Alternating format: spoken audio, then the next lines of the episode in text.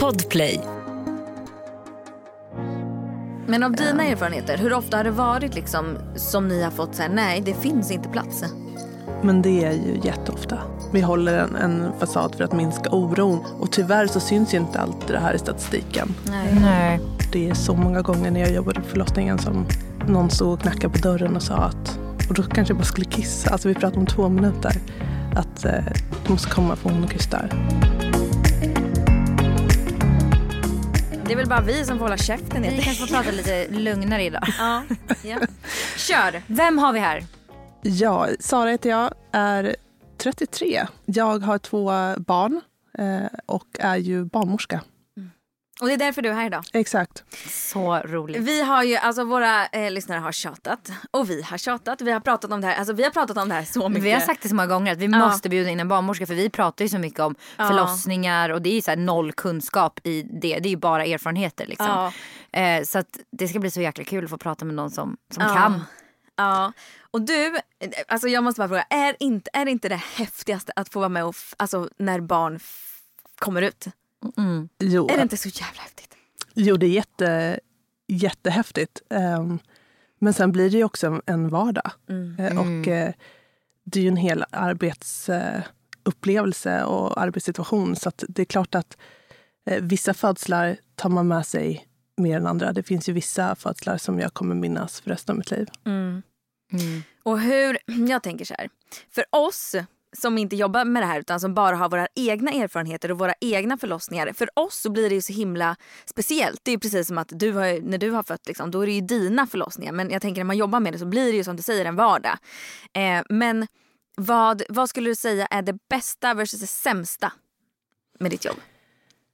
Som barnmorska i helhet och eftersom jag nu då jobbar på eh, barnmorskemottagning så är det ju det här att få se familjen eller individen, lite beroende på hur situationen ser ut, men gå från en kanske tvåsamhet då till att bli en liten familj och se hur de växer in i det här.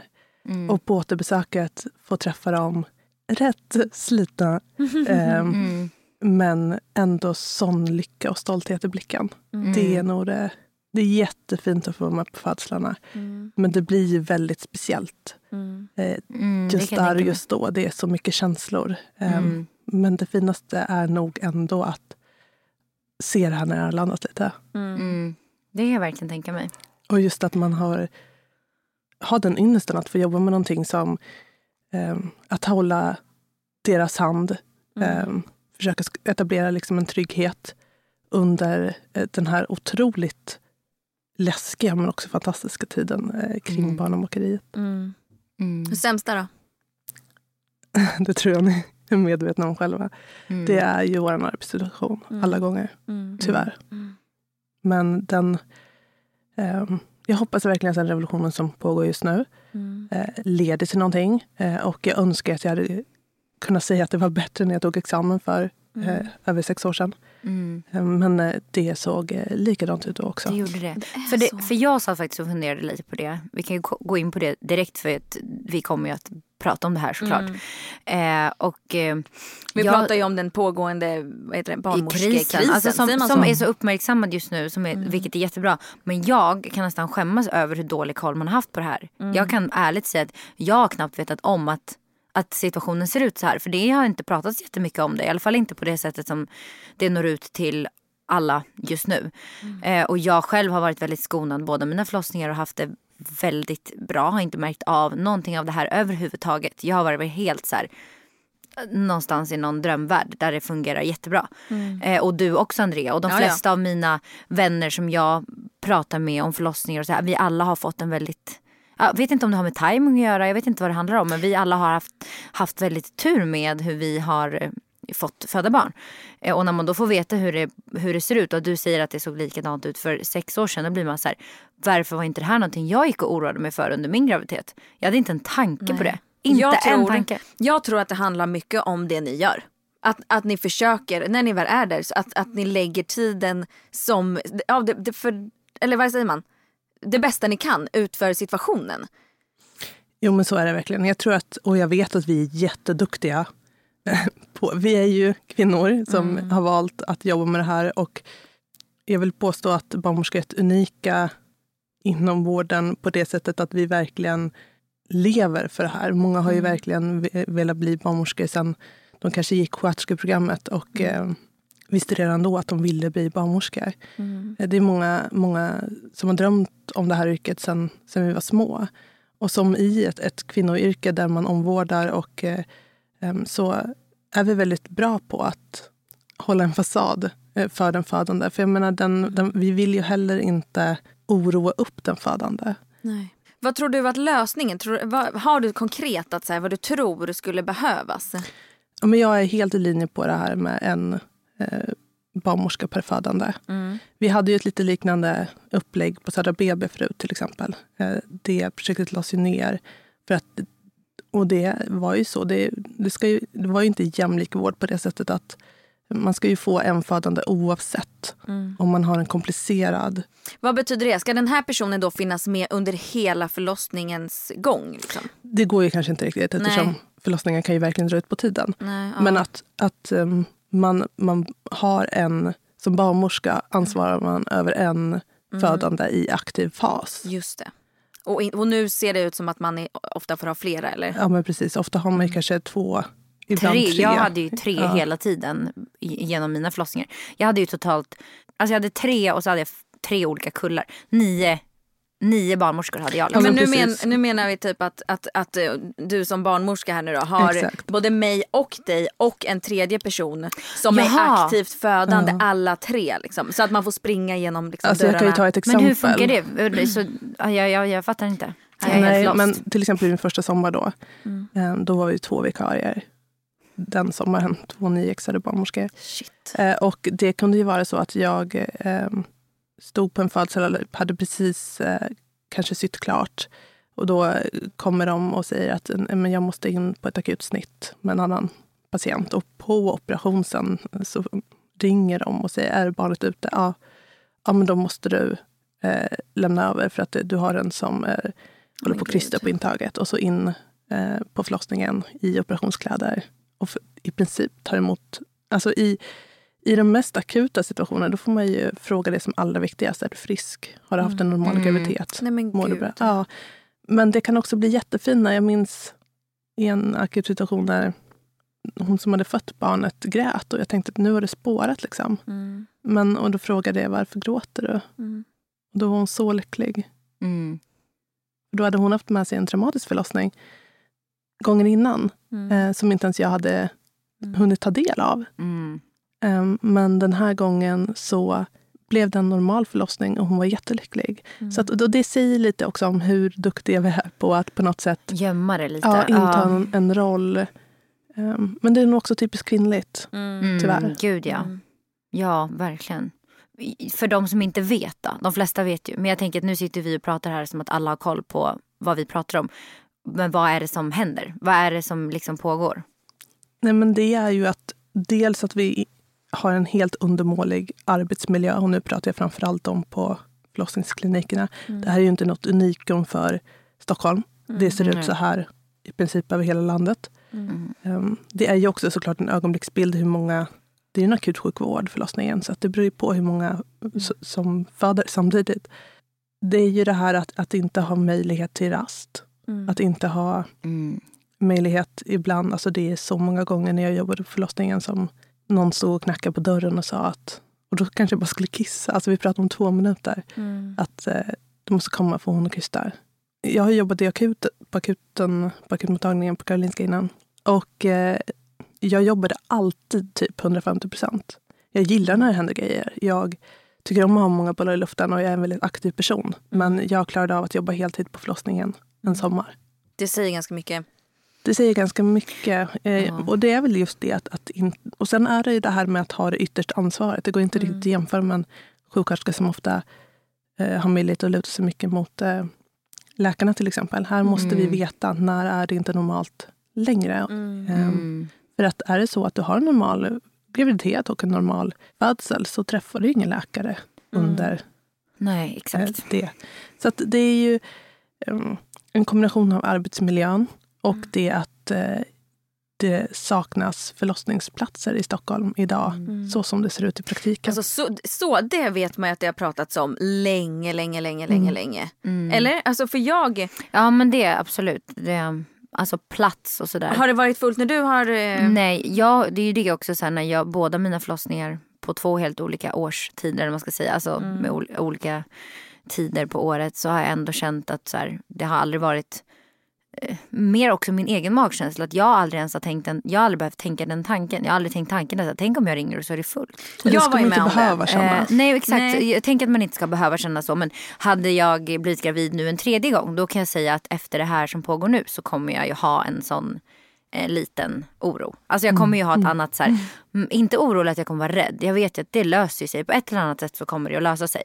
Eh, för jag är väldigt mycket så som person att så här, ja men i värsta fall då föder jag barn själv hemma. Alltså så här, det löser väl sig förhoppningsvis på ett bra sätt.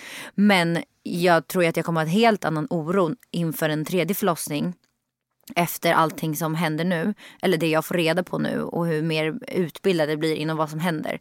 Eh, kontra hur jag kände min förlossning 1 och 2. Jag hade inte en tanke på att jag inte skulle få plats. Alltså det kan jag ärligt säga. Nej, jag, hade inte en tanke jag hade ju det. Men det är för att många har varit så ja, för jag har ju haft tjejkompisar som har fött, framförallt på sommaren vet jag, det fött många bebisar då som jag förstått, höst, eller sommar och höst. Och jag är Ehm, född på både sommar och höst. Ja. Och har jag aldrig tänkt det. Nej, alltså jag födde min första dotter på nyårsafton eh, 2017. Då var det inte så mycket. De var ju så här, kom in, vi har typ ingenting att göra, välkommen.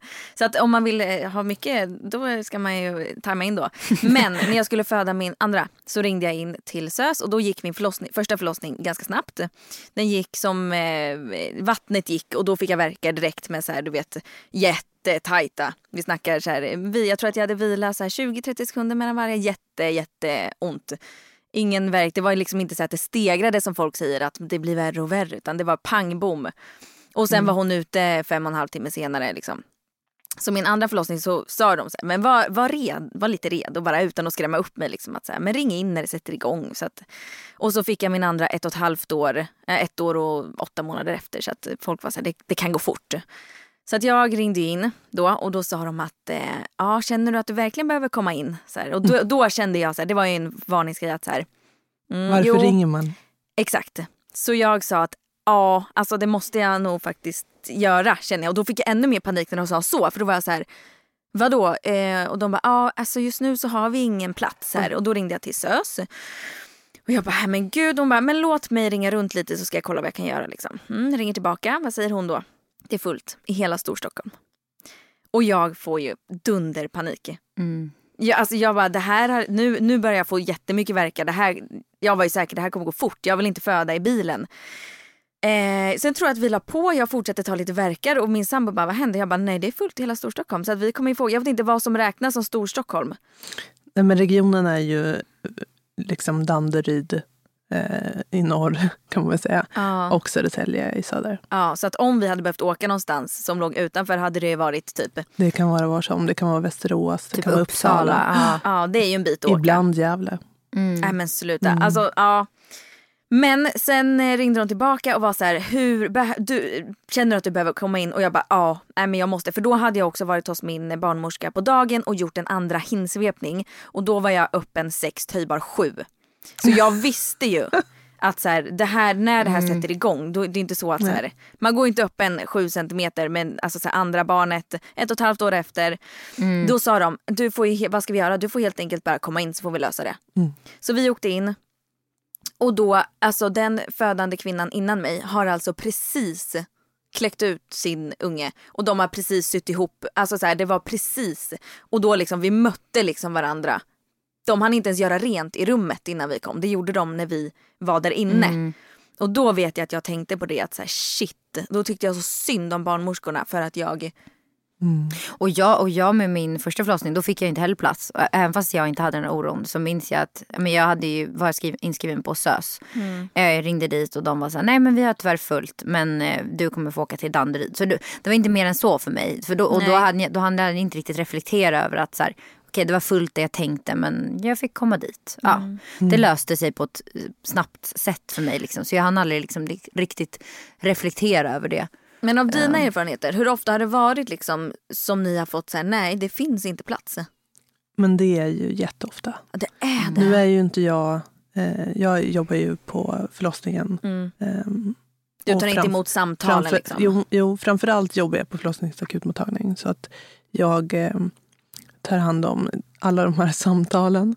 Eh, kan man säga. Eh, och eh, även bedömningar, är man igång eller är Ja, man inte igång? Kanske Mm. man be- behöver en sovdos eller sådär. Mm. Det, det, men det förekommer och har förekommit jättelänge. Sen sträcker vi på oss och eh, som ni säger, vi håller en, en fasad för att minska oro. Men, och tyvärr så syns ju inte allt det här i statistiken. Nej. Mm. Nej. Utan det är väl det som är provocerande också när politiker står och säger att bristningarna minskar. Eh, vi har tillräckligt med förlossningsplatser när vi vet att det inte Mm. är så. Bara för att ni biter ihop och inte typ det finns ingen statistik på det för att ni typ löser det fast ni Exakt. mår skit i Ja, det. Typ. Alltså så här, ja. Ja, men kortfattat, Hemskt, ja. kortfattat kan man säga det så. Mm. Eh, Och någon gång räcker det. Vi har ju flaggat för Mm. Ja, men ni har ju små barn så att ni vet ju, det är ungefär samma sak som när man säger till någon att sluta, ena syskonet sluta reta den andra. Till slut när de fortsätter om man inte lyssnar då, Det räcker. det räcker. Ja. Ja, så i grund och botten så är det att det behövs mer platser för att det ska kunna jobba fler barnmorskor. För jag tänker varf, annars liksom, Det är det någon fler- annan, det, annan för- liksom det faktor? behövs fler platser och det Mm. behövs bättre arbetsvillkor. Men, och hur menas med bättre ar- arbetsvillkor? För jag tänker att om man hade varit fler barnmorskor hade man inte haft bättre arbetsvillkor då för att Exakt. man hade kunnat hjälpas åt. Absolut. Så då är det väl att det ska finnas mer plats eller handlar det också om eh, lön? Eh, att det är dåligt betalt kontra det jobbet ni gör? Jag tror man ska vara försiktig i den här eh, revolutionen Att att, att dra in in det. lönefrågan. Det är mycket som styrs av kollektivavtal och så här. Ja. Utan det, det, det som jag tycker är framförallt, eh, eh, eller det som är viktigast just nu, eh, anser jag är liksom själva arbetsmiljön. Och då pratar vi om eh, kanske att, eftersom det ändå verkar vara så som det är, om de inte lyckas fixa arbetsmiljön på något annat sätt, så pratar vi en del om det här att eh, jobba 80 procent och få lön för en heltid för att man ska orka. Mm, just det. Återhämta sig Precis. och ladda om liksom. Och då Att man- mer fokus på arbetsmiljön och kanske inte Ja. lönefrågan. Att man får mera liksom, eh, fördelar på annat sätt som inte bara ekonomiskt. Eh, liksom. Exakt. Mm, för att fattar. många av oss väljer bort det för att det Mm. sliter för mycket på en hälsa. Och det fattar man ju verkligen. Och sen det här med fler platser betyder ju fler barnmorskor. Mm. Mm. Och det här enfödande, Mm. eller en barnmorska per födande. Jag, jag till exempel födde mitt första barn också supersnabbt. Jag var öppen åtta, hade inte särskilt ont, började med ett lustgas och så visste jag att men det här kommer ta tid. Jag är försköterska, så ta min, jag bad dem att ta hål på Mm. eh, fosterhinnorna. Och så sa hon till mig då sen, nej, men nu kommer jag behöva lämna dig för en annan födande ett litet tag, så du kommer bli själv ett tag. Ehm, Mm. Och jag var fine, jag hade ju inte ont innan. Vi låg och Mm. sov Mm. en halvtimme innan. Ja, Ja, det var helt sjukt. Äh. Eh, Jag som är rätt smärtkänslig annars, jag, jag trodde Mm. verkligen att... ehm, men sen eh, liksom brakar ju verkstormarnas verkstorm Mm. lös. Mm. Eh, Och eh, jag hann ju inte, hon hann ju inte mer än att komma in på rummet efter att jag bad henne komma in och riva av mig trosen och så kommer den ut. Ja. Mm. Och jag var jättenöjd och trygg och hela den biten. Men jag tänker efterhand, alltså det, Mm. jag hade behövt någon där då. Mm. Bara den tryggheten att veta att Mm. om det blir akut nu så vet jag att jag Mm. har alltid en. Sen Mm. kanske man inte alltid kommer behöva använda den. Liksom. Men Mm. Men tryggheten att ha det är nog så jäkla viktigt för att Mm. också hålla sig lugn. Och, Och liksom veta att man är där. Jag sitter här Ja. utanför. Mm. Det är bara att du ringer om det är något, annars kommer jag in när det är dags för nästa Mm. kontroll. Eller på Hur Men jag fattar inte då hur det kan hur kan jag, jag blir så här, typ irriterad på att jag då har haft turen att ha tre barnmorskor med i tre olika omgångar. De har liksom gått på skift och, liksom, och sen min andra förlossning igen. Men det är tre ju inte- barnmorskor. Men det är ju inte tre barnmorskor med. Det är väl en barnmorska, en undersköterska och en... ja, men, jag, Något, jag vet inte. Jag, jag, Exakt, det är en barnmorska, en inte tre undersköterska. barnmorskor men jag har haft tre personer Men det har jag också i haft. kuller. Liksom. Men Ehm, det, ska, det, det är det väl generellt? Ja, men varje pass, vi jobbar ju ofta parvård, så att det är Mm. ju en barnmorska och en undersköterska. Sen kan det ju vara så att eh, när man kryssar att det är Ja. två barnmorskor där eller mm. om det är någon student med eller något sånt där. Men jag hade manlig undersköterska med vet jag. Eh, på min andra, jag, eh, han var underbar. Jag älskade honom, han var så bra. Han, vet vad han gjorde? Han gjorde en grej som gjorde, det, det är det mest verksamma som har funkat på någon, alltså alla mina förlossningar. Han båda. tog dig. Nej, alla, Alla dina Jag förlossningar. menar på ett professionellt men... Ja, nej men så men här, ändå han tog mina ben, alltså vad ska man jag jag, nu visar jag, men han höll mina ben bara så här så att jag kunde slappna av. Jag, han höll upp dem men ändå fast dem. Alltså då bara släppte allting. Jag bara, det här var det skönaste någon har gjort. S- s- Bara stå kvar. Så han stod ju så typ Så en är det timme. Rasmus på mig typ hela förlossningen. För det var det första de sa. Gör så här på henne, håller benen här, upp med dem och så bara håller och trycker. Det gjorde han ju typ på mig varenda verk. Det var så jävla skönt. Ja, Men det är ju så skönt när någon kommer in och på något sätt ehm, tar kommandot lite. Ja. Jag minns också det eh, när hon då kom in springandes där. Jag, alltså, nu vet ju det, man är inte riktigt närvarande, jag kommer inte exakt ihåg. Eh, Men jag minns ju bara hur hon kom tillbaks där då eh, medan jag krystade eh, på väg från toaletten. Eh, och eh, bara tog i mig, tog fast mig och bara nu sätter du dig på pallen. Och jag bara nej, jag vill inte röra mig. Och så bara, men du sa att du ville föda på pallen. Ja. Och jag bara nej, och ni vet man är inte jättemobil i den smärtan. Nej. Nej. Och då bara tog hon mig. Och jag är ändå rätt lång. Ja. Eh, och bara baxade ner mig. På det. Och det var så skönt, det, det jag minns. Med Hedvigs hemförsäkring är du skyddad från golv till tak oavsett om det gäller större skador eller mindre olyckor. Digital försäkring med personlig service, smidig hjälp och alltid utan bindningstid. Skaffa Hedvig så hjälper vi dig att säga upp din gamla försäkring. Hedvig hemförsäkring, ett klick bort. Aj, aj, aj, det kluckar i rören. Men det är väl inget att bry sig om? Jo, då är det dags för de gröna bilarna. Spolarna behöver göra sitt jobb. Spolarna är lösningen. Ah, hör du? Nej, just det. Det har slutat. Får, jag frå- får vi fråga lite så här generella frågor kring Men jag har faktiskt en följdfråga på din förlossning där. Eh, för du sa ju att du, hade, du var öppen 8 cm du hade inte så jätteont. Och då hade inte ditt vatten gått. För de tog hål på Exakt. hinnan. Ja. Eh, då blir jag så här lite nyfiken. Jag har ingen aning om det här.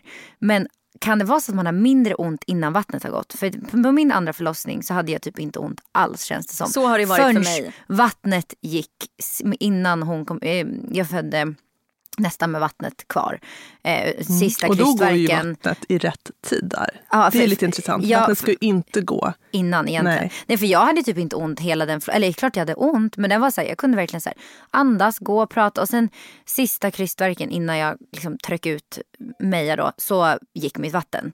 Eh, och då kände jag en helt annan smärta. Det var typ som, jag kan minnas hur jag kände att så här, Alltså jag kände mer på något sätt. Då blev jag typ nyfiken på, du säger då när ditt, de tog vattnet att det gick väldigt fort då. Så här, så här, då blev det smärta. Är det någon slags så här, I mitt fall tror jag det var så här att eh, mina barn har legat väldigt högt upp och hinnorna har hållit dem uppe. Alltså jag har ju haft väldigt starka, starka hinnor. hinnor antar jag. Ja, och sen eh, så har, när hinnorna har försvunnit så har mina barn bara rasslat igenom hela förlossningskanalen på kanske tre, fyra verkar. I mitt fall var det nog det som gjorde så himla ont i det att- var ju att vaginan tändes Ja, så det. himla snabbt. Det här, när, när man öppnar sig i själva öppningsskedet så kanske det här kan spela eh, lite roll. För att livmodern är ju en muskel som drar ihop sig under verkarna och längst ner har du ju livmoderhalsen och den ska ju töjas? förkortas och sen ska själva munnen, livmodermunnen kallar vi det för, öppnas. Eh, Så att i mitt fall var det nog att, att det här sista skedet gick så extremt fort. Uppenbarligen har jag ju Du var redo. en flexibel vagina. Eh, för det, för första gångs eh, föderskor så brukar ju det ta nästan, Tid. ja det brukar ta tid eftersom, De sista, den precis. sista delen eller? ja men själva nedträngningen. Okej, Ja det okej, tog okej. åtta timmar Precis, för mig. ja, Oj, är det exakt. sant? Så, ehm, men när vattnet går så kommer ju barnet åt mer i, in, på insidan av livmodern. Där har vi små receptorer som reagerar på tryck. Och det är det som gör då att när vattnet går så retar barnet livmoderväggen mer och verkarna Mm. Stimuleras på något Exakt. sätt. eller? Så det kan kanske så kännas det, lite mer. Exakt, jag tror att det är det som känns. Sen, sen, jag menar, det är ju lite annorlunda om man tänker att man ska eh, få ur sig eh, eh, ett ägg i en eh, vätskefylld eh, Mm. påse, eller vad man ska säga, eh, jämfört med Men, men där i slutet vet jag inte om det spelar så stor roll rent Nej, smärtmässigt. alltså, för att nej, allt är så tajta Nej, i alla jag, fall. alltså, jag minns ju inte att det var så. Jag hann ju inte känna någon smärta för det tog ju typ en minut efter att vattnet hade gått så var jag ju klar liksom. Mm. Men jag tänker bara rent om jag jämför smärtmässigt Mm. första förlossningen andra förlossningen där vattnet gick tidigt första. Tog de ditt vattnet De tog vatten Ja. på båda. Och men då tog du de då? det tidigt liksom, Mm. på första förlossningen för det hände inte så mycket så då tog de det. Medan på andra förlossningen då hände det saker helt, det gick väldigt fort. Det tog tre timmar allt som allt från Mm. första verk till att hon var ute. Eh, och så då hände det saker hela tiden. Så då sa de så här, men vi testar att låta dig föda med barnet kvar i vattnet. och de var så jättetaggade på det. För de bara, gud det här var det så Vi tycker kul att det är se." väldigt mysigt. Ja, och så de, jag kommer ihåg hur de var så här, men nu, nu hoppas vi verkligen att vattnet Mm. inte ska gå. Jag var så här, kan jag göra någonting för att det inte ska, för att det inte ska ske? De bara, Don't push "Nej." too hard, Ja, sister. exakt. De bara, ta det lugnt, det kommer, hon är jättenära på att komma ut. Liksom. Och så krystverken innan så pff, sprack det ju liksom. Men Men då bara har de inte jämför- tagit hål på ditt vatten. Nej, de tog inte hål på Nej. det. Utan vi tänkte att jag skulle föda med henne i vatt- Mm. vattnet. Segerhuvud. Ja, det hade ju varit lite coolt. Ja, det har man ju sett på video. men Ja. näst, nästa tar jag. Alltså för mig, för mig var det ju så. Min första förlossning, jag tror, eller alltså jag vet, jag är ingen barnmorska så jag vet ju inte. Men min första förlossning då var det så här. Jag låg i sängen och skulle sova. Jag hade, inte känt, jag hade varit så här, men nu känns det någonting typ. Men inte, alltså så här, nej det kan lika gärna vara ingenting. Gick och la mig. Och sen sa det knak i min rygg. Då kändes det som att någon typ bröt av min ryggrad. Det känns som någon hoppade på min rygg och så sa det knak. Och då direkt fick jag en verk samtidigt. Och så satte jag mig upp jag sa till och med till Linus, min sambo, att så här, hörde du det där? Han bara, hörde vad då? Jag bara, nej men alltså vad hände precis? Och då, fick, då började jag få verka direkt. Eh, bara det att det kom inget vatten då, men sen gick jag, eh, jag badade, hände ingenting, gick på toaletten och kissade. Då gick slemproppen och sen när jag ställde mig upp, då kom vattnet. Visst måste det ha varit att mina, min, alltså, hinnan gick sönder när jag låg ner då? Det kan ju inte vara något annat. Ingen aning. Alltså, Vad skulle det annars säga? Knak? Alltså jag minns, jag minns, det, nej. jag minns Men det fortfarande där känslan. knakande ljudet brukar ju folk säga att det eh, Det var ett liksom, låter när, Sjukt. när vattnet går. jag tänker att det var det. Nej, men jag Du får känner, fortsätta tro Ja, men jag känner att det måste vara så. Men Ja. sen, eh, och sen, för då hade jag så ont att så här, jag, absolut att jag hade en jättelätt förlossning men min, den förlossningen var nästan lite för eh, eh, snabb. Det, gick, det var lite för effektivt för att jag, jag orkade liksom inte. Det var bara psyket. Jag Mm. liksom, jag hade ju spräckt alla blodkärl i ansiktet. Känner du dig lite provocerad över de som ljudlöst lyfter på ett ben? Eh, nej. Eh, för så var det andra gången. Mm. Så att, och och jag, den var ändå så kort tid så att jag kände att jag kunde hantera det. Och jag vet att jag reflekterade inte över det då. För jag tänkte så här, det här gick skitfort och jättebra. Men i efterhand när jag födde min andra då var jag så här, den första förlossningen var inte den var inte optimal. För det andra var liksom, jag för det första så kände jag inga krystverkar med första.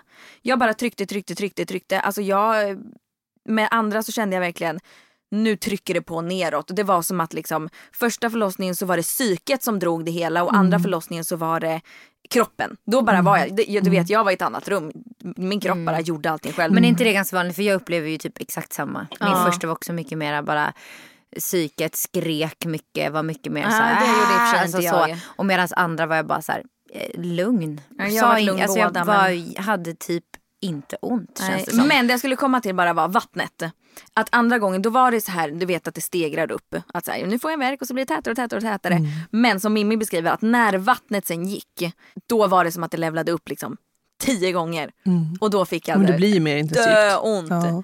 Jo, och så är det ju. Men jag tror också så att det är ju kanske inte pratas lika mycket om hur mycket vi eh, reflekterar kring vår förlossning Nej. efteråt. Nej, Och jag kan fortfarande ta fram mina journalkopior och titta och minnas tillbaka ibland. Och, jag också. om man eh, går igenom. Och jag tror att det är väldigt naturligt och bra att, att, att gå igenom den för att Mm. på något sätt landa i de tankar och känslor som en, en födsel ändå innebär. Mm. Men jag tror också vi ska vara försiktiga att så här, värdera det som jättemycket som en Mm. prestation. Eller, eh, det blir lätt att vi jämför oss med varandra. Och, och jag menar, min första födsel, ja, den, den kanske, det kanske inte blev optimalt.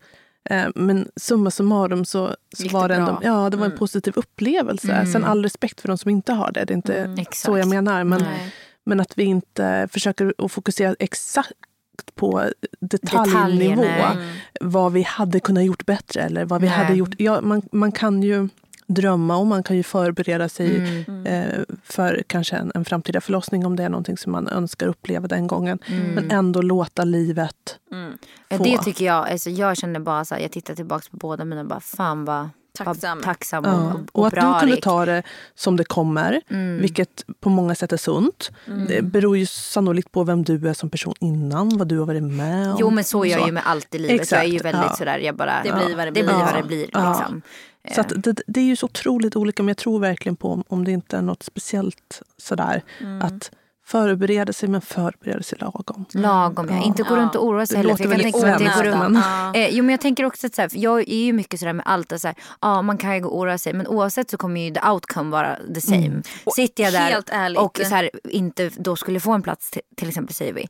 Oavsett om jag hade gått och oroat mig hela min graviditet kring det här eller om jag inte hade gjort det så hade the outcome varit alltså, det, Samma sak. samma sak den dagen det sker. Alltså, Och helt ärligt, du som hur mycket kan man? man kan, vi har ju pratat om det här mycket, att man kan ju inte, man kan inte påverka hur förloppet av förlossningen går för att det är kroppen som sköter det, eller? Eh, nej, men vissa saker kan man ju förbereda sig på. Man kan ju förbereda sig hur man andas genom verkar till viss del och så vidare. Men sen vet man ju aldrig hur överrumplad man blir av smärtan. nej. Eh, Och jag tänker, jag drabbas sällan av eh, panik så, sådär. Liksom. Och det var inte en situation när jag kände mig otrygg eller liksom kunde få den panikkänslan under förlossningen. Det var inte det, men jag blev helt överväldigad av hur mycket min kropp födde barn. Det var svårt det. att eh, kunna andas mig igenom det. Jag kanske hade övat för lite, I don't know, men det blev bra. Eh, så att man, man, vissa saker kan man ju ändå förbereda sig på, men sen får man ju inte glömma att det här är liksom inte ett prov. Det är Nej. inte någonting vi pluggar för. Vi är så Nej. Upplysta idag och vill eh, ha upplevelse. Och jag Kontroll. tänker även om man gör det, för jag gick ju på sån här eh, prof, Profylax. Och de, eh, alltså även om jag gjorde det så hade ju, man vet ju aldrig när man sätts i situationen hur man, man, hur man reagerar. Nej. Det är ju det, det är helt omöjligt att veta vad kroppen känner när man Men jag tänker inte det kan ändå vet det. alltid vara bra att gå på sånt för att ha lite skinn på benen ifall man känner att man skulle ha användning av det. Lite skinn på benen Ja, det eller kött på Skinn benen. på, ben, skinn på näsan tänkte jag säga. Lite kött på benen. Skinn på Ja, men näsan. det är ju inte onödigt Kött på så. benen. Men det är väl mer, som du kanske säger, hur det, det kan vara svårt att föreställa sig Mm. eh, innan man är i den här smärtan. Mm. Eh, det är lätt att kanske öva hemma på att andas.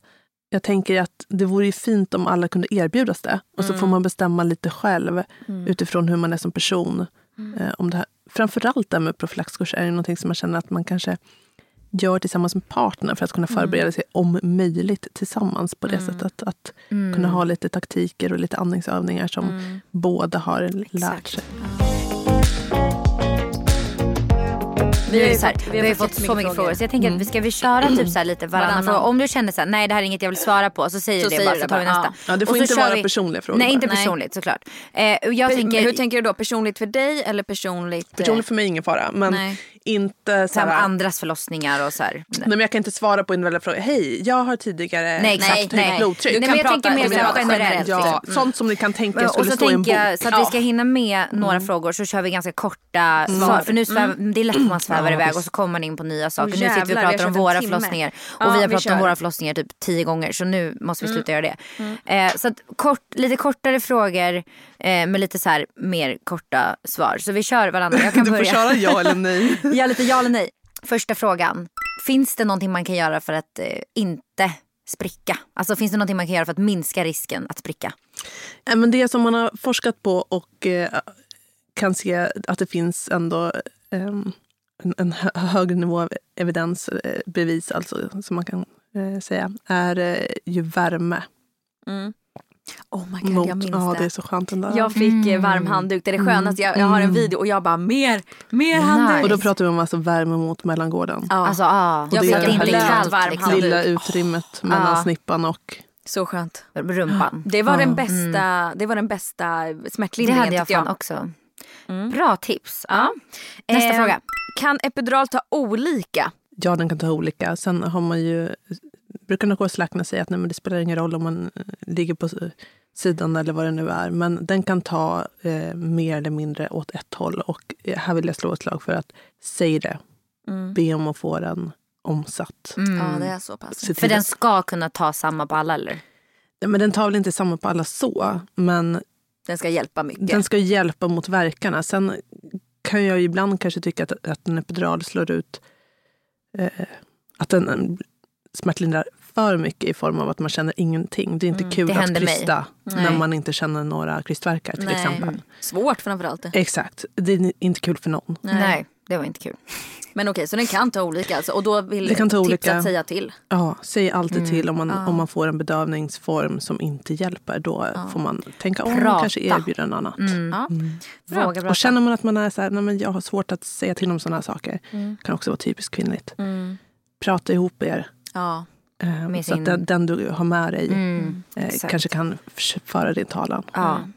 Att göra en abort, Mm. Kan det medföra en risk att man har svårare att bli gravid? Eller är det bara en myt? typ? Nej, det skulle jag inte säga. Alltså, Att det inte kan Exakt. påverka? Mm. Mm. okej. Sen beror det såklart på individuella... Alltså, Ja, vi har alla generellt liksom. olika grundförutsättningar att kunna bli gravida, men själva aborten nej. Precis. Mm. Hur farligt är det med, heter det bäck va, i fostervattnet? Är det bäck? bäck. Ja. Barnbäck. Meck brukar vi säga. Det är ju egentligen. alltså bajset, det, det, första svarta. bajset. Exakt. Det har jag haft i båda mina när vattnet gått. Ja, det kan vara ett tecken på att barnet är stressat i magen. Men oftast är det inte det. Eh, Det är också otroligt vanligt eh, att det förekommer. Men eh, det behöver är det så att vattnet går på med en binda så att du ser vilken färg det här fostervattnet har. Är det så att det är lite grönt eller brunt eller gult eller så, eh, så är det ofta färgat av Bajset. bajset. Och då behöver man... eh, Det är lite, lite, lite koll. fler koller sen. Ja. Man behöver komma in eh, Vad på kan, det, vad kan det bero på? Eller, liksom, vad, kan, eller vad kan hända? Men de ska väl inte få i sig det, sitt eget bajs? Ja, men dels så kan de ju råka dra i sig Mm. eh, fostervattnet efteråt. Eh, Och det kan leda till? Man kan få lite andningsstörning så här i början. Eh, man kan ju, ja, det finns lite olika saker som, som kan ske så. Men det vanligaste är ju att även om man, barnet som föds sen bajsar i magen eh, så mår det ju bra. Men vi vill ju se eh, att det inte är stressat där inne. Mm. Man vill ha lite koll. Ni vet ju när ni själva blir stressade kanske ni... Man bajsar på sig Exakt. lite. ja, för det hände mig också på, på, Ja. på min förlossning med bajset.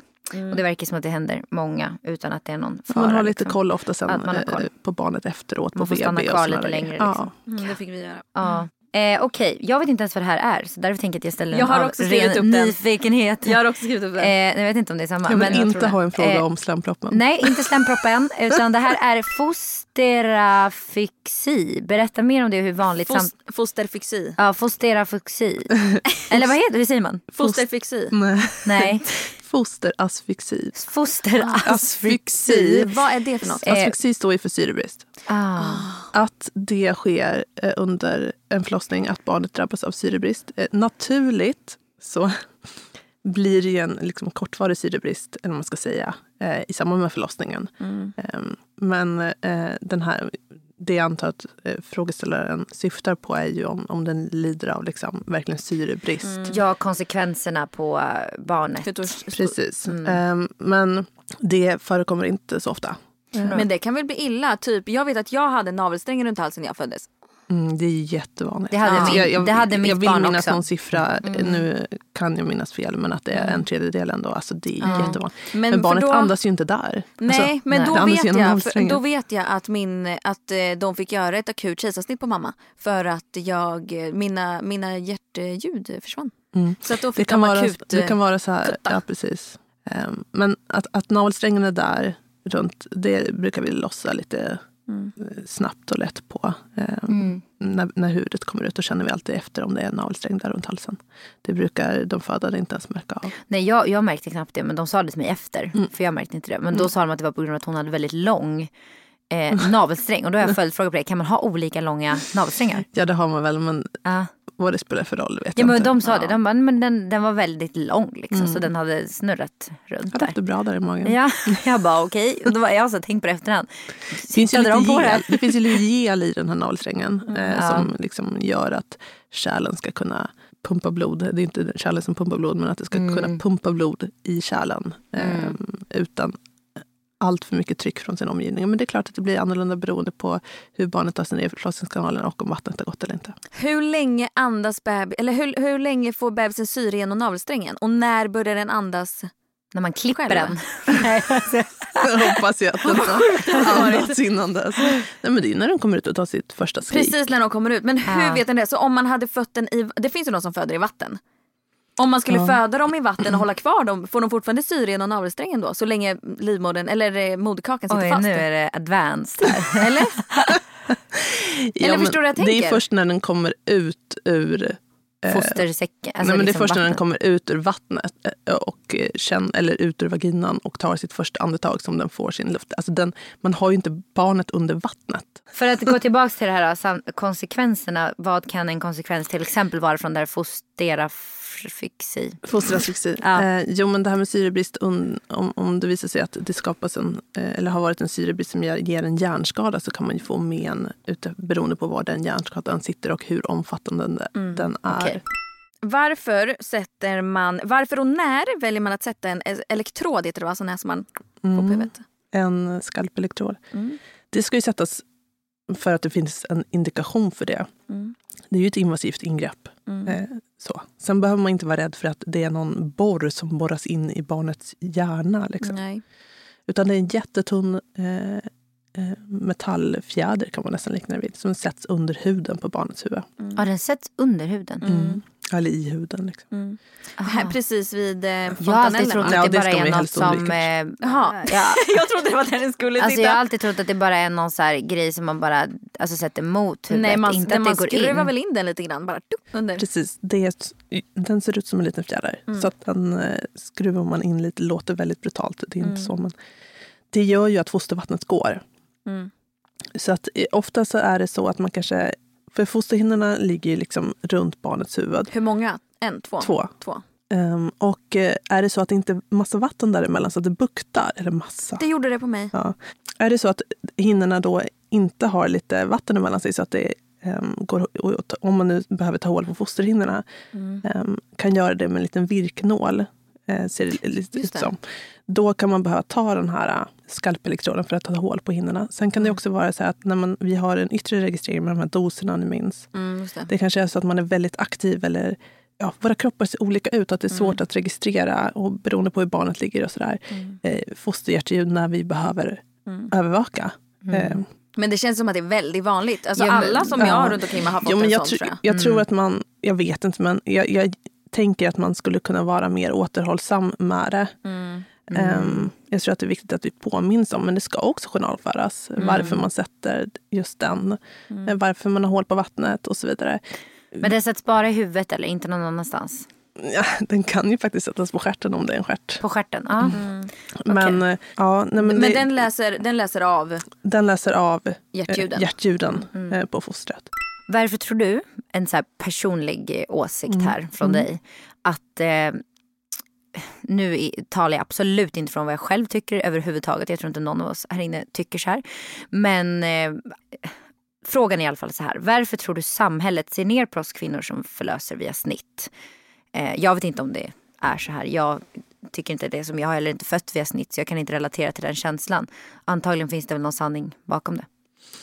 Nej, men jag tror väl att de som eh, ser ner, om, om man verkligen ska prata om ser ner på de här. De, ett- det kanske finns en bild av att de, de eh, födande skulle ta the easy way out på något sätt. Och det är ju oftast långt ifrån det. Eh, Om vi pratar om planerade kejsarsnitt så kan ju de vara olika anledningar. Eh, Det kan ju till exempel vara att man har en moderkaka som ligger för utgången och att, man inte, alltså att det skulle vara livshotande att försöka sig på en vaginal förlossning. Mm. Men samtidigt kan det också vara förlossningsrädsla som har massor av trauman eh, Mm. i botten eh, som inte syns utåt. Mm. Eh, Så att jag, jag, jag tycker återigen att vi ska vara väldigt försiktiga med, Mm. dels som kvinnor emellan, dels som samhälle, att värdera både födslar men också Mm. förlossningssätt. Ja, Jag tycker bara, personligen tänker- tycker jag det är jättekonstigt att man ens gör det. För jag tänker väl att man vet, alltså man vet så lite om vad människa, vem den är och vad den har gått igenom. Jag, tycker, jag, Verkligen. jag personligen skulle aldrig eh, ens tänka en sån tanke. Jag och sen tror jag också att jättekonstigt. man, man jag tror att vi, vi alla kan på något sätt skriva, som är föräldrar, vet hur den här föräldrainstinkten är och att i grund och botten så gör man ju det och väljer det man kan välja utifrån vad man tror är bäst. För det som och känns tryggat. Ja. Hur, hur kommer det här gå bäst? Det enda man bryr sig om är att det kommer ut ett friskt barn. Och Liksom. sen kan man diskutera eh, hur kan man Mm. eh, förmedla den här informationen på rätt sätt. Med Hedvigs hemförsäkring är du skyddad från golv till tak oavsett om det gäller större skador eller mindre olyckor. Digital försäkring med personlig service, smidig hjälp och alltid utan bindningstid. Skaffa Hedvig så hjälper vi dig att säga upp din gamla försäkring. Hedvig hemförsäkring, ett klick bort. Aj, aj, aj, det kluckar i rören. Men det är väl inget att bry sig om? Jo, då är det dags för de gröna bilarna. Spolarna behöver göra sitt jobb. Spolarna är lösningen. Ah, hör du? Nej, just det. Det har slutat. Är det vanligt att få PMS och känna av sin cykel mer efter att man har fött barn? Mm. Det här är ju både och.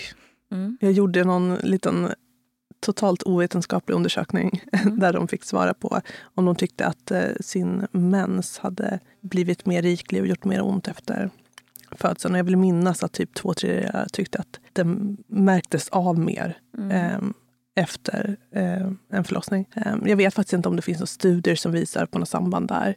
Eh, men det kan ju gå åt båda hållen. Liksom. Jag vet också, jag följer ju upp dem eh, och träffar ofta de som är, har varit gravida, kanske senare i livet, eh, eh, ny graviditet eller p-piller eller eh, vad det nu kan vara. Och det finns ju de som berättar att nej, men jag tyckte att min mens blev mer sparsam. Så att, eh, min upplevelse är ju att ändå att fler tycker att den blir mer riklig och kanske mer För mig var inte mensen så mycket men jag kan säga så att jag, både, är det inte du också Mimmi? Eh, och jag och sen typ två andra av mina tjejkompisar som har fött barn är så här. Innan hade jag inte en susning om Nej, hade jag också av ägglossning. Jag känner av den Nej, så vet, mycket tydligare. Ägglossningen Ja. fanns inte. Jag bara, när har jag ägglossning? Men jag håller med. Och nu, alltså nu vet jag mer Men när jag ska få min känns det i Ja. hela mitt kön. det Ja, känns jag väl som att typ tappen tar in när du sätter dig. Det känns nästan som, att jag, som att någon stimulerar Ja. mig typ när jag har ägglossning. Det är därför jag blir så mycket kåtare också. Det är För att, för att jag känner kanske. att liksom så här, ja, men det kanske är Jag så här, biologiskt att det är då man ska bli befruktad. Så det är kanske då man ska också Jag känna blev sig ju lite så här, gravid på min första ägglossning. Jag hade ju, Ah. eh, jag ammade ju och sen så tog det nästan ett år innan eh, jag kände mycket. Och även fast jag är barnmorska, Mm. nu har jag inte haft regelbunden mens innan riktigt så, eller cykler, men ehm, jag har aldrig någonsin märkt av min ägglossning. Mm. Och sen efter det här så kände jag, men gud, är inte det här en ägglossning? Jag gick också på toaletten, ut kom Ja. en äggvitekaka. Liksom. Ah, Visst är det så? Fan Jag bara, nu ska vi ligga. Ah, Vi låg och eh, två veckor senare plötsligt. ah. Gud vad sjukt. Vad sjukt det är alltså. Ja men det är så galet. Man känner, jag har också Men börjat det få måste verkligen vara en liten som slem, händer. slemgrej vid ägglossning. Jag blir nästan så här, men gud ska jag få mens nu? För att det kommer ut liksom. Man kan ju filosofera lite om det Ja. kanske inte sker någon slags omställning Mm. på något sätt. Eh, rent hormonellt. Efter att kroppen har. Men det vågar jag inte säga att det Nej. det Jag tror det. Jag tror det. Jag, kan, men det är Alltså, det som är eh, vi- viktigt. Man kan tro massor av saker. Och det är vi, Ja. viktigt att filosofera och spekulera. Men man måste skilja det bara från vad Ja. man vet rent vetenskapligt. Nästa fråga. Eh, Du som barnmorska, tycker du om när en eh, föderska har skrivit ett förlossningsbrev eller inte? Vad, personligen, vad tycker du så här, att är mest nice? Förstås klart att det beror lite på vad de har skrivit och så men bara så här, generellt. När jag går in i ett rum och eh, hälsar på eh, den som ska föda, eventuellt partner, så brukar jag alltid fråga hur vill du att jag bistår dig? Vill du att jag ska informera dig så mycket som möjligt? Eller vill du att jag sköter mitt eh, medicinska? Eh, och eh, eh, du fokuserar på andning och är i själva födandet mer. Eh, för här är vi ju så otroligt olika. Mm. Jag är ju rätt kommunikativ. Jag brukar verkligen fråga, för då känner jag att då har jag gjort det jag kan för att Mm. möta eh, den föddes önskemål. Men också, vill du att jag eh, har en... Vissa vill ju liksom bli mer förs- verbalt försiktigt omhändertagna, om man kan säga så. Eh, Medan andra gillar mer raka puckar. Mm. I en akut situation såklart måste man göra det man Ja. måste göra. Ehm, och det har jag aldrig varit med om att någon födande inte snappar upp.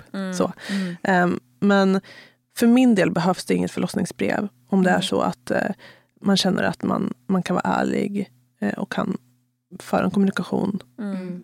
eh, under förlossningen. Det är ju extremt sällan att man är i så pass stark smärta att man inte kan säga någonting. Mm. Där kan man ju prata inom det par som ska vara med under förlossningen också. Mm. Eh, Men sen är det självklart så att kanske har man varit med om något våld eller något trauma eller något sånt där som man känner att men det kanske man inte orkar prata om där men som man ändå vill att barnmorskan ska veta om. Ehm, så är det bra. Men man kan ju också berätta det för sin mödravårdsbarnmorska och det står med i.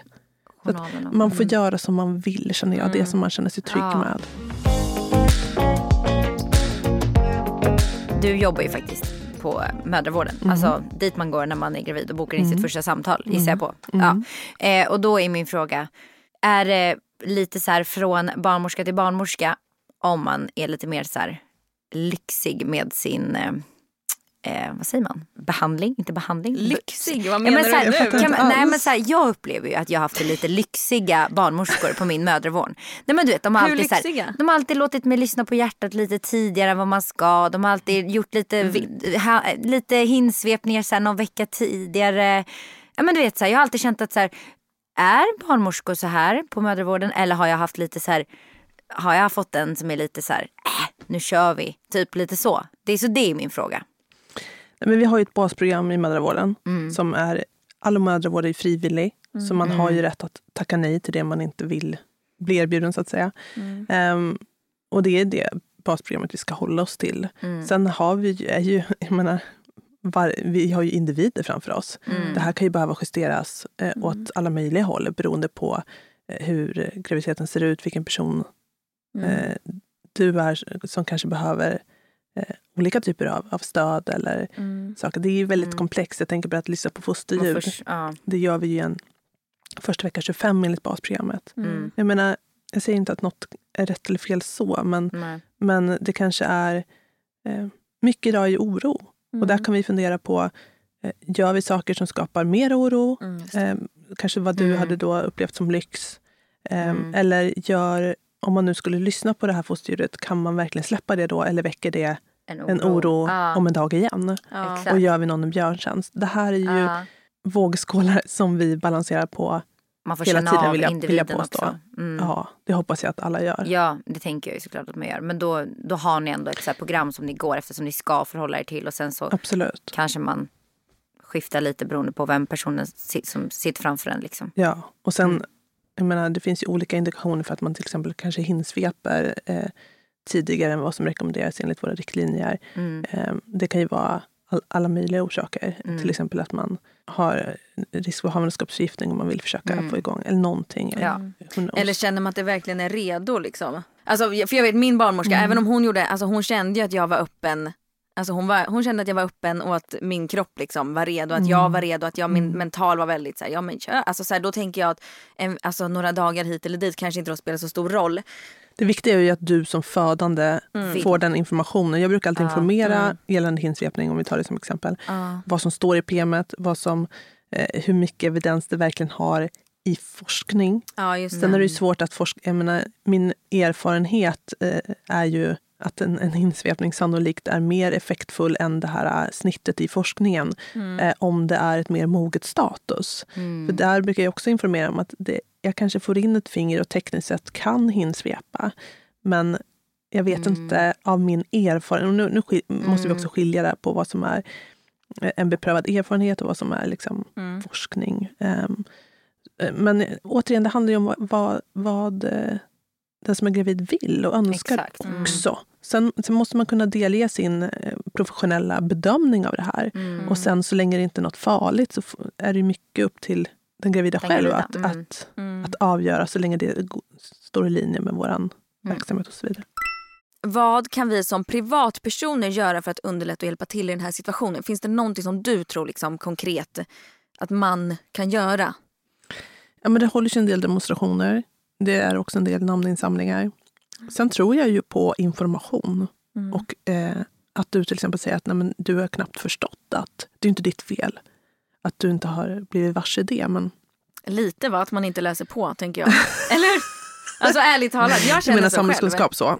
Nej men alltså all, det är väl ha- tillhör, tillhör Jo, väl men man har inte tid att eh, läsa på om allting. Man liksom. och Alltså, man, du kanske inte har det. Men Nej. jag hade absolut haft tid att sätta mig en kväll istället för att Det är scrolla klart att jag hade det telefonen. men, men det är klart att man har Men tiden. vad följer vi för, alltså med all respekt, liksom, vad omger vi oss av för informationsflöde? Det är lätt när man tycker att man har ett hetsigt liv att ägna sig åt yta. Mm, Det är så hjärnan funkar. Vi kanske behöver följa- följa fler konton som eh, Typ ditt konto. Instamorsan. Nej, mors... morskan. Kunde varit. Morskan. Det hade kunnat varit instamorsan också. Exakt. Eh, nej men, och jag följer ju, jag, jag tycker ju blandningen är skön. Det är det som är. Vissa konton följer man av, av vissa anledningar för att man kanske vill bli inspirerad. Vissa konton kanske för att man vill få ökad förståelse. Men jag tror att vi kanske behöver ha fler utbildande konton. Och att vi, jag menar, det är egentligen sjukt va? Att, att flera miljoner följer någon skådespelares konto eh, som lägger upp någon post på eh, om yta. Mm. Medan vi har konton som delar med sig med otroligt... Mm. Eh, Viktig information. ja, det måste man ju ändå säga. Mm. Eller, och framförallt som kvinna, tänker jag. Har du några Mm. Tips på sådana här konton direkt som du vet? Det kan vi lägga upp. Ja, Mm, det kan vi kanske Vi kan göra. samla oss lite. samla, Ja. Du får skicka lite bra sådana konton ja till det är oss. bra. För det är en bra Eh, grej För det tror jag vi faktiskt, behöver Och det finns ju många Ja, doldiskonton som liksom ja, men inte tjänar pengar, och in, Mm. inget fel med det, men som inte har ett kommersiellt konto. Men som bara har gör det väldigt- för att de Exakt. verkligen vill och för att de verkligen vill att folk ska lära sig mer. Och det är ju typ det allra finaste egentligen. Om man tänker så här, de gör det här för att Du och inte jag- tjäna pengar på det utan för att de faktiskt vill förmedla det här. Ja och du och jag Mimmi skulle till exempel om vi sätter oss ner, om du vet vissa konton. Jag skulle absolut vilja liksom lägga upp de här och säga till eh, alla att så här, här kan Ja, ni läsa och mer. dela. Alltså Ja, kan vi som har kanaler, dela Exakt. sånt liksom. Att, eh, det, så att det sprids. Liksom. Ja, och just dela typ demonstrationer eller eh, namn. eh, Ja, Men jag tror ju i grund och botten, alltså alla kan ju göra något, det vill jag alltid tro. Mm. Eh, Men att vi är lite mer pålästa och att vi tillsammans eh, på något sätt försöker trycka lite på att eh, gravida och födande måste få kosta. Mm. Vi har ett alldeles för bra land. Om du hade blivit inbjuden till en så här politisk eh, Debatt. ja, hade du velat och kunnat tänka dig att ställa upp då? Ja, men det måste jag ju. Mm.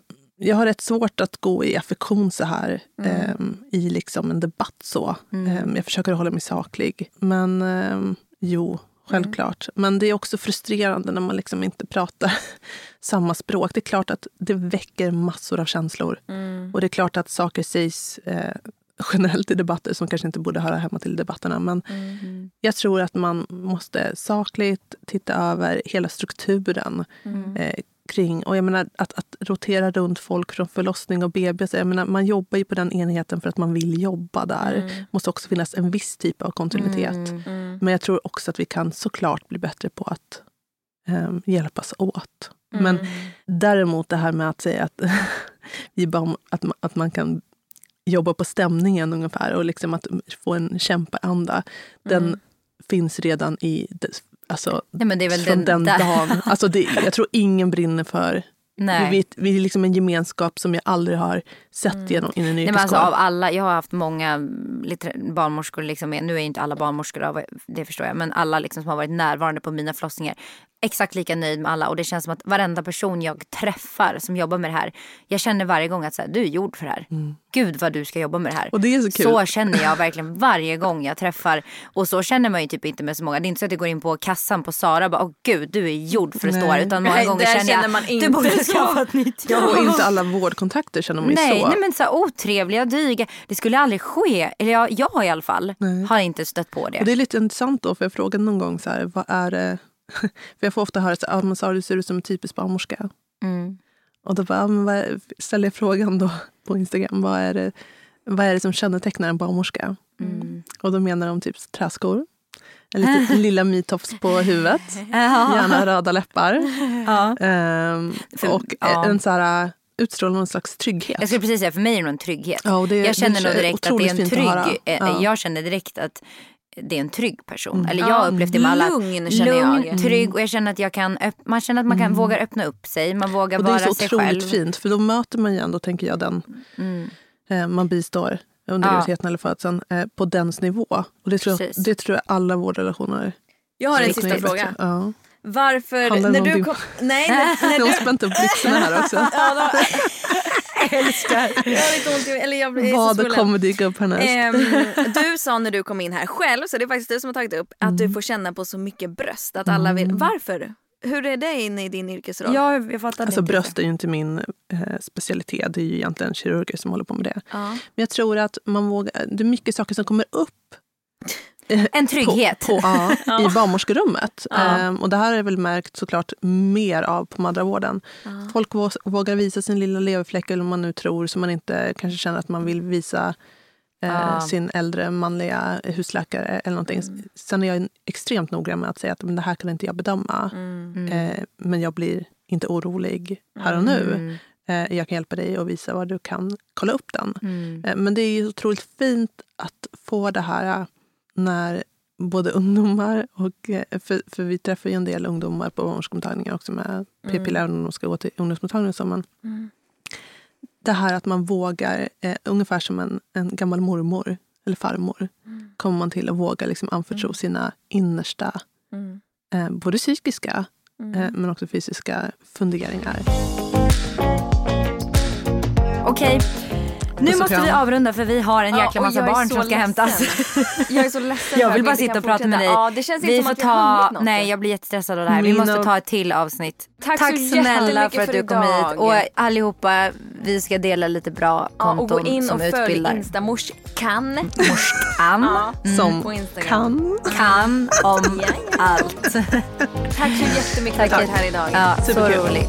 Hej då. Hej då! Hej då!